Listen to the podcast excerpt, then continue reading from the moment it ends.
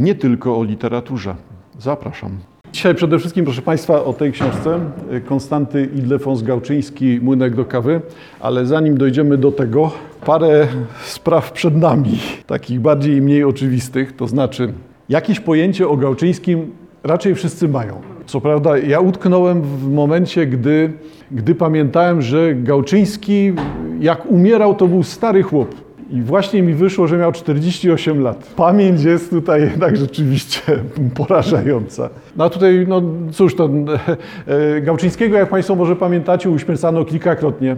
Zresztą to zawsze był człowiek taki e, żyjący e, raczej poza tym mieszczańskim modelem życia, a czy taki bardziej artystyczny, no troszkę bardziej artystyczny viva l'arte, a trochę też taki człowiek mm, osobny. On nie przystawał za bardzo. Jeżeli się potrafił konfliktować, to konfliktował się ze wszystkimi stronami. Czyli Gałczyński z jednej strony patriota, a z drugiej strony prześladowany za nienawiść do Polski i Polaków.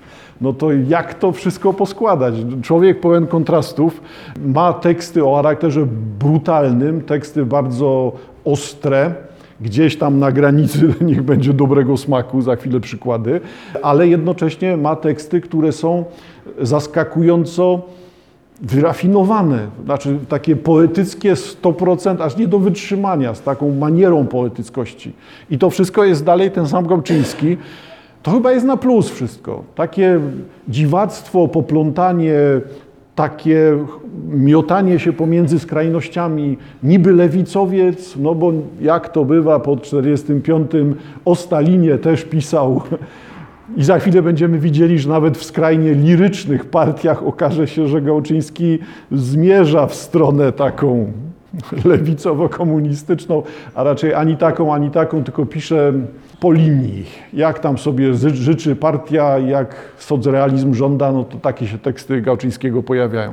Tym niemniej rozpiętość tego jest rzeczywiście strasznie duża i nawet jak popatrzymy na same teksty, to tutaj w tych tekstach też nie odnajdziemy jakiejś wyraźnej Mm, wyraźnego wskazania, czy wyraźnego momentu, w którym możemy e, te teksty lokalizować w obrębie światopoglądu Gałczyńskiego, że tutaj ulega coś jakiejś zmianie. Nie, jednocześnie Gałczyński będzie taki i taki te skrajności będzie próbował łączyć w jakąś syntezę chyba. Tylko ta synteza też jest odrębna, inna. To, to ani skamandryta, ani awangardzista. Takie ani to, ani to. Mm, Gałczyński oczywiście debiutuje dwudziestoleciu międzywojennym, no ale te teksty, które najbardziej kojarzymy, będą związane z II wojną światową, albo będą dotyczyły tego Gałczyńskiego e, późnego, Gałczyńskiego liryka czy filozofa, może tak. Mamy tekst 1934 rok. No i to jest tekst taki z pogranicza po prostu. No, o co chodzi? Czy to jest atak, czy to jest gorzka ironia ten tekst? Czy to jakiś rodzaj podsumowania Polaków wszystkich? Tekst na pewnego Polaka. Patrz Kościuszko na nas z nieba. Przywołany jest wers znanego tekstu, popularny, patriotyczny apel do Kościuszki. Patrz Kościuszko na nas z nieba. Raz Polak skandował i popatrzył nań Kościuszko i się zwymiotował. I to jest tekst, który jest dobry literacko. To nie jest tekst liryczny, skliwa dynamika i tak dalej, to nie jest tego typu tekst, ale jeżeli chodzi o samą organizację tego tekstu, bardzo zgrabny. Mamy ten cytat w pierwszym wersie, mamy wskazanie, że chodzi tutaj o Polaków, którzy lubią, lubią, przepadają za imprezami masowymi. Nie mam na myśli tylko kibiców, tylko mam na myśli tą taką tendencję Polaków do bycia razem, do manifestowania, pokazywania, uzewnętrzniania pewnych pragnień. Polacy pojedynczo są bardzo stonowani, jeżeli poruszamy się w tym kręgu patriotycznym. Są bardzo stonowani, ale Polacy w grupie będą się unifikować, pokazywać. Dowolny przykład, który akurat będzie przykładem jednostkowym. Jak Państwo pamiętacie, jak e, Wałęsa podpisywał porozumienia w stoczni, no to ten półmetrowy długopis, poza tym jeszcze ten zwyczaj trwający ciągle u Wałęsy noszenia tych znaczków patriotyczno-religijnych, Matka Boska w klapie, to jest coś, co pokazuje tego Polaka no, dynamicznego, takiego na zewnątrz, Polaka ujawniającego coś. I pojawia się Kościuszko, który jest pokazywany w antytezie. No, Kościuszko, któremu to nie pasuje, który podsumowuje taką definicję polskości tymi womitami, mówiąc po staremu. Dosadne, brutalne, no ale pytanie, czy to nie jest gorzk, gorzkie, ironiczne, celne, jak chcemy. Po prostu wyraźnie widać, że tu się coś wymyka. To nie jest coś takiego, co pozwala na klasyfikowanie e, Gałczyńskiego. 34 rok. O najbardziej znany tekst Gałczyńskiego, 36 rok.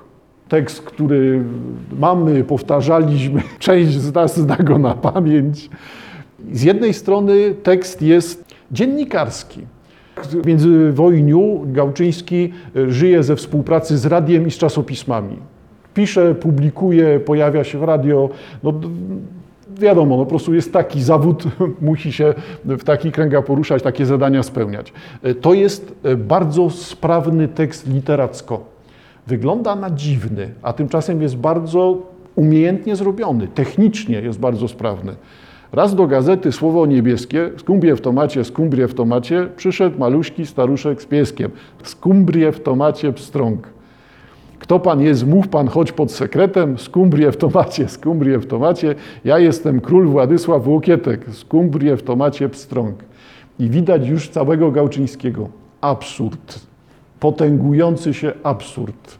Naraz, na, nakładają się na siebie warstwy już w samym tytule, który staje się refrenem zaszytym w tym tekście, ref, powtórzeniem, które jest co drugi wers w dwóch odmianach, no już te skumbrie w tomacie są tym nonsensownym przywołaniem. Zdaje się, że głównie chodzi o makrele w skumbriach. No to w takim razie e, makrele w pomidorach, które zderzone są z gazetą, redakcją i królem Władysławem Łokietkiem. Ciąg absurdów absurdów, dziwac, odmienności. No ale to czytamy, tak? Jak wiadomo, Łokietek ukrywa się w, w grocie Jura. Siedziałem, mówi, długo w tej grocie, skumbrie w tomacie, skumbrie w tomacie, dłużej nie mogę, skumbrie w tomacie, skumbrie w tomacie pstrąg. I teraz na ile te skumbrie w tomacie są absurdalnymi skumbriami w tomacie, a na ile funkcjonują tutaj jako zamiennia czyli jakiś ciąg przekleństw tu się pojawia, może tych właśnie z dominującym K i R i S, skr, sk i możemy dość dowolnie tutaj dopisywać te przekleństwa, które zostały tutaj zamienione na to absurdalne skumbie w tomacie. Tak jakby unikając dosad, dosadności, wulgaryzmu, pojawia się coś, co potęguje absurd. Zostawię te skumrie w tomacie, skupmy się tylko na dzianiu się w tym tekście. Zaraza rośnie w piątek i świątek, idę w Polskę robić porządek. Nasz król. Na to naczelny kichnął redaktor i po namyśle powiada, jak to. Jak się pomija te skumbrie, okazuje się, że tekst jest wręcz, nie, nie wiem, znowu prosty, dla dzieci, przystępy, przystępny. Chce Pan naprawić błędy systemu? Był tu już taki 10 lat temu.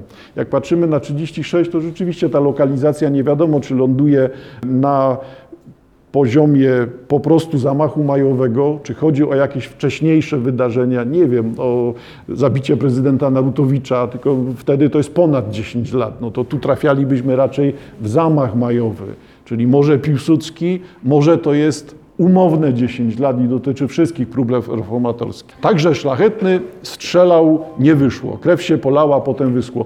I tutaj widzę taką podwójność, czyli e, mamy także szlachetny strzelał, nie wyszło, no bo e, Piłsudski, to tak nie da się zamachu majowego do strzelającego Piłsudskiego zredukować.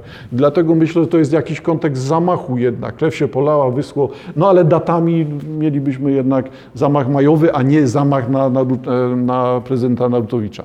Co pan mówi, jęk, jęknął łokietek, łzami w redakcji zalał serwetę, znaczy się muszę wracać do groty, czyli że pocierp mój Władku złoty.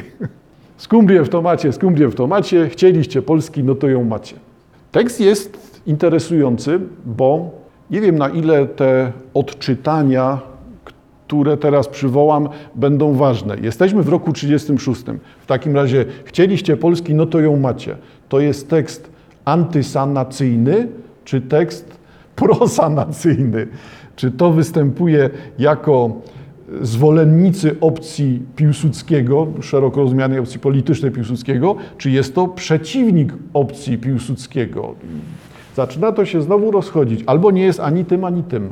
Po prostu jest kimś na zasadzie i co ja mam zrobić, jak ja nie chcę ani w prawo, ani w lewo i nie ma tu dla mnie miejsca. I mamy taką odrębność Gałczyńskiego.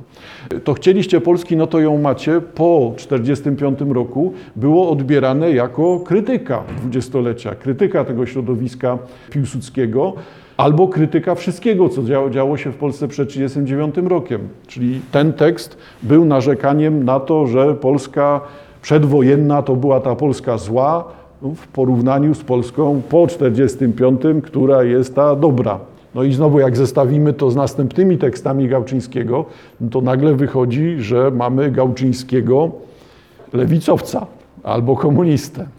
To, to tasowania w Polsce tych wszystkich opcji są takie, że potem nic do niczego nie pasuje, może i dobrze. Chyba najbardziej znany tekst Gałczyńskiego, przynajmniej najbardziej znany przez dziesięciolecia. Dzisiaj oczywiście mówić o tym, że poezja jest znana, to jest tam nie ta rzeczywistość, no ale ten tekst y, rzeczywiście znany, tak? Pieśń o żołnierzach z Westerplatte. Kiedy się wypełniły dni i przyszło zginąć latem, prosto do nieba czwórkami szli żołnierze z Westerplatte. To są bardzo regularne teksty, to słychać w rytmie. Wszystko oparte na sylabach, na akcentach. Bardzo dobrze zorganizowane te teksty są.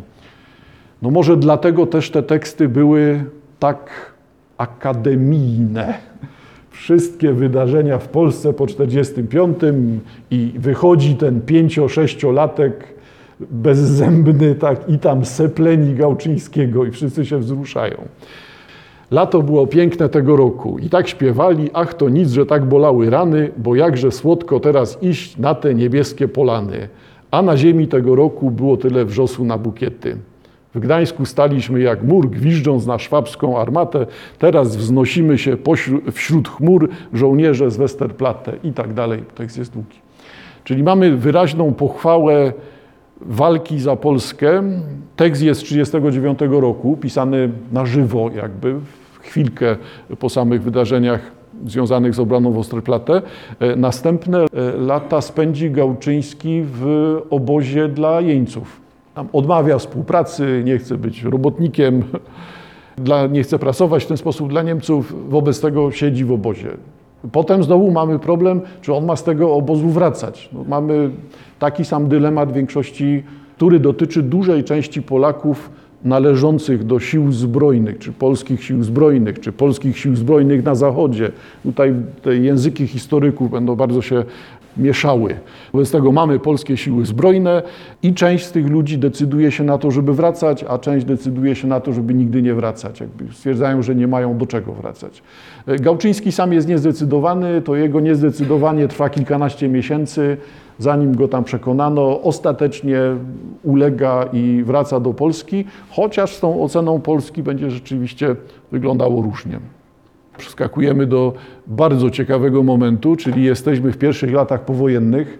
Wiodąca gazeta w Polsce, przynajmniej jeżeli chodzi o popularność i legendę, przekrój, to jest ten przekrój w pierwszej redakcji i pojawia się chyba najważniejsze też osiągnięcie literackie Gałczyńskiego, czyli zbudowanie całego uniwersum, mówiąc językiem współczesnym, uniwersum pod nazwą Teatrzyk Zielona Gęś.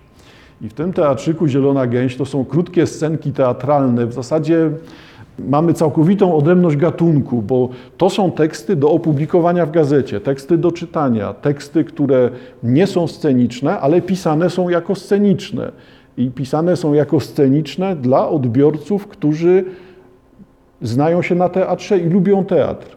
Te teksty zawierają w sobie opowieści o samym teatrze jakby mają taką świadomość tą, tej teatralności, że ta teatralność staje się bohaterem tych tekstów.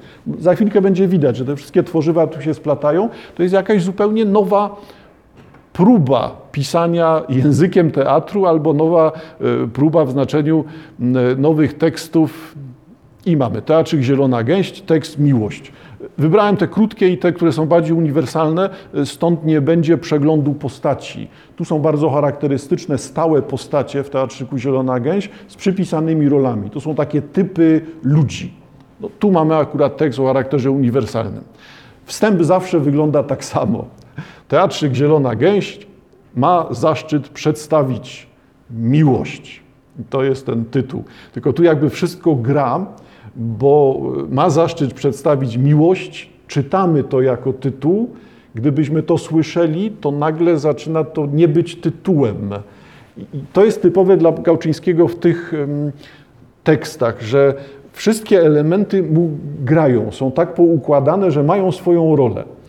Czyli tekst nosi tytuł Miłość albo Teatrzyk Zielona Gęść ma zaszczyt przedstawić miłość jako pojęcie. Występują osoby, czyli mamy listę, tak jak w każdym utworze teatralnym, dramatycznym, osoby. On and ona. Ciekawe jest wprowadzenie tego and, ponieważ to od razu dystansuje. To nie jest on oraz ona, on i ona, tylko jest on and ona. Czyli gdzie będziemy? To we współczesności. To nie jest jakiś powrót do przeszłości, tylko my tu teraz o teraźniejszości będziemy mówić. No to on, który jest poetą, jak nam tutaj didaskalia dopowiadają, pyta, Mario, e, pyta, stwierdza, Mario, kocham cię. Kocham tak, jak nikt przedtem i potem, jak nikt na świecie, jak nikt w dziejach. Tak nie kochał ani Dante, ani Don Juan. Miłość. Czy ty rozumiesz, co to jest miłość? Ona. Dowiadujemy się, że medyczka.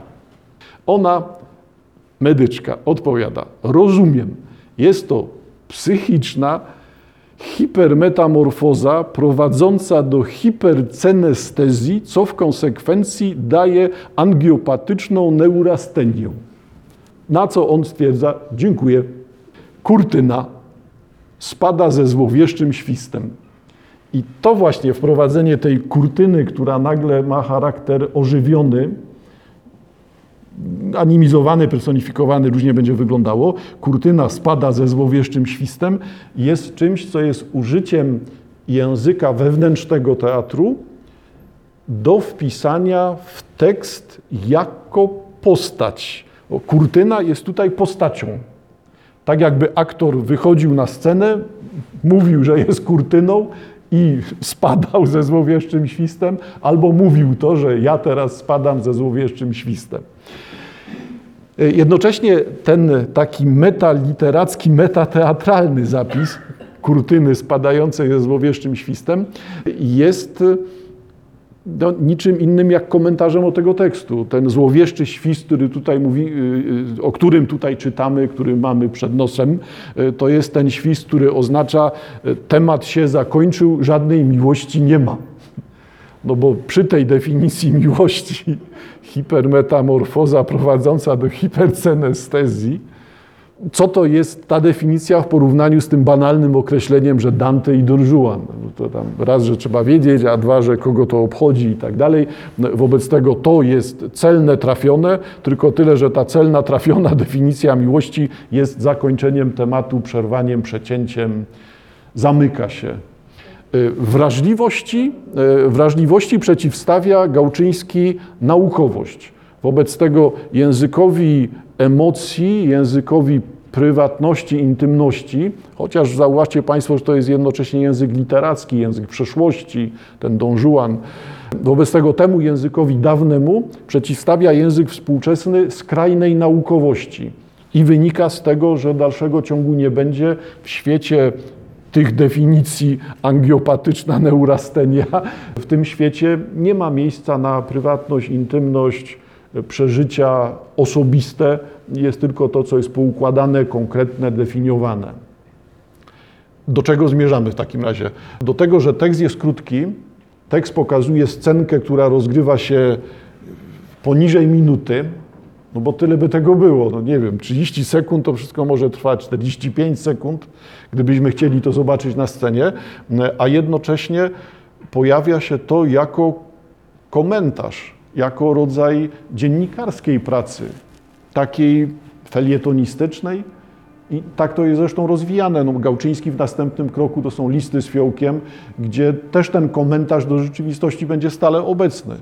Nie w taki absurdalny sposób jak tutaj, ale dalej będzie widoczny. Wobec tego to jest tak duży temat, ten teatrzyk Zielona Gęś, że chociażby z tego powodu Gałczyński już mógłby się pojawiać w tym panteonie naszych twórców, chociaż zobaczymy, że jest różnie. Ale dalszy jeszcze przykład teatrzyku Zielona Gęś. I mamy przed sobą teatrzyk Zielona Gęś, który tym razem ma zaszczyt przedstawić z oburzeniem Hamleta. Jakby dowcipy są tutaj za każdym razem, tak? Bo teatrzyk Zielona Gęś ma zaszczyt. To gęś ma zaszczyt. Znaczy widać od razu, że tu coś jest żartem, absurdalnym żartem. Gęś, która ma zaszczyt. Zielona gęś, która jest absurdem. Po kolei widać coś, co jest nielogiczne celowo, stąd zmierzamy do tego potęgowania nonsensu. I tak zresztą bardzo często Gałczyński jest y, określany. Tutaj powielam sądy Staffa, że y, Gałczyński jest tym, który pokazuje, że nonsens jest poetycki, albo pokazuje, że poezja jest oparta na nonsensie. Czyli albo pisze poezję, w której ukrywa nonsens, albo operuje nonsensem po to, żeby budować poezję. I to jest to osiągnięcie Gałczyńskiego. Czyli Teatrzyk Zielona Gęś ma zaszczyt przedstawić z oburzeniem Hamleta. Występują spektakl niestety niedopuszczony do konkursu szekspirowskiego, a to dzięki ponurym machinacjom intrygantów, karierowiczów oraz kombinatorów. I mamy te zapisy, co to tam z życiem literackim się dzieje, na czym to polega. I mamy tym razem postacie, które pojawiają się też w innych tekstach Gałczyńskiego, czy w Teatrze Zielona Gęś się pojawiają. Pojawia się profesor Bączyński oraz Grzeg Żółka. Czy może być coś bardziej polskiego niż Grzeg Żółka? Profesor Bączyński. Narodzie Polski, oto jakie wiekopomne wysiłki teatrologiczne idą nam na marne z powodów jak wyżej. Rozdziera szaty, ale ceruje je natychmiast. Hamlet. Być albo nie być. Oto jest pytanie, które powtarzam od lat 300 w kółko. Lecz cyt, Poloniusz schodzi na śniadanie? Nie, to Grzeg Żółka. Jak się masz, Grzeg Żółko? Grzeg Żółka. Niedobrze mam się, bo w życiu trzeba przebyć przez las problemów, a któż je rozwiąże? Więc gdy dylemat stoi być czy nie być, może spróbujmy nie być, mości książę. Obaj to jest Grzeg Żółka i Hamlet na próbę przestają być. Kurtyna sprytnie wykorzystuje sytuację i skwapliwie zapada. Dowcipy są w niespodziewanych miejscach, bo zderzenie Hamleta z Grzegżółką, czy tym wprowadzeniem Bączyńskiego, który tu funkcjonuje jako inscenizator, reżyser, to jest jeden poziom. Tak? Ta drwina z monologu Hamleta, który przechodzi na własność Grzegżółki z tym paradoksalnym, że skoro być czy nie być, to lepiej nie być. No, zwykle jednak te interpretacje hamletowskie nie ciążą tak bardzo do niebycia, tylko pokazują tam ten wzniosły dylemat Hamleta. A tutaj jednoznacznie mości książę lepiej nie być. I dlatego przestają być, a kurtyna sprytnie wykorzystuje sytuację i skwapliwie zapada jako rodzaj podsumowania. Pomijmy resztę milczeniem, reszta jest milczeniem w końcu, jeszcze raz cytując Szekspira. Teksty proste, zwięzłe, teksty, które w teatrzyku Zielona Gęś da się przeczytać jako żartobliwe, da się przeczytać jako teksty metaliterackie, metakulturowe. One odwołują się do masy rzeczy, tak, do świadomości teatralnej, do cytatów. Tam mieliśmy Dantego, Don Juana, tutaj z kolei trzeba rozumieć dylematy hamletowskie, żeby zobaczyć na czym polega kontrast pomiędzy Hamletem i Grzegżółką. Co prawda Hamlet, jak widać, jest mocno do siebie zdystansowany, skoro oto jest pytanie, które powtarzam od 300 lat w kółko. No to jest zdystansowany Hamlet. Kazali mi to mówić, to mówię, ale w zasadzie mnie nie obchodzi. To zróżnicowanie, przeskok e, od pieśni o żołnierzach z Westerplatte, no jednak tej pieśni patriotycznej, polskiej, pochwalającej śmierć za ojczyznę, no chociaż też tam były takie elementy tych wtrąceń, dystansów, no ale jednak tekst jednoznacznie poważny. No to tutaj mamy teksty jednoznacznie absurdalne. Im więcej absurdu, tym lepiej. Jakąś ciekawą zależnością jest też jedna sprawa. Ciekawe, co teraz nastąpi. Teatrzyk Zielona Gęś robi ogromną karierę i to jest to, co jest łączone z Gałczyńskim w pierwszych latach powojennych. Teatrzyk Zielona Gęś z wielkim przytupem powrócił na początku lat 90. w Polsce. I ciekawe, co teraz. Czy to pasuje do współczesności? W jakiś sposób pasuje, no jak, jak każde dobre teksty. E, Natomiast czy, czy zyska popularność? To jest coś takiego jak e, kabaret starszych panów. E, To jednak wymaga wyrobionych odbiorców. Wątpię, żeby kabaret starszych panów Przybora Wasowski powrócił. Nie pasuje. Ale ciekawi mnie, czy ta absurdalność, bo u starszych panów jednak to jest bardzo stonowana absurdalność. Jeżeli tam mamy posługiwanie się takim humorem, to on jest gdzieś tam co pięć minut, tak? a u Gałczyńskiego jednak absurd, nonsens jest na pierwszym planie. Wobec tego ciekawe, czy w dzisiejszej teraźniejszości zaczniemy widzieć absurd, który będzie pasował właśnie do tego Gałczyńskiego. Ta dziwaczna sytuacja 89, 90, 91, 3, no to ta dziwaczna sytuacja sprzyjała temu, co tutaj widzimy. To nie jest tylko kabaret potem. To chodzi o wiele, wielu wykonawców, którzy sięgali e, po Gałczyńskiego. No ale kabaret potem chyba jest tutaj najbardziej znany.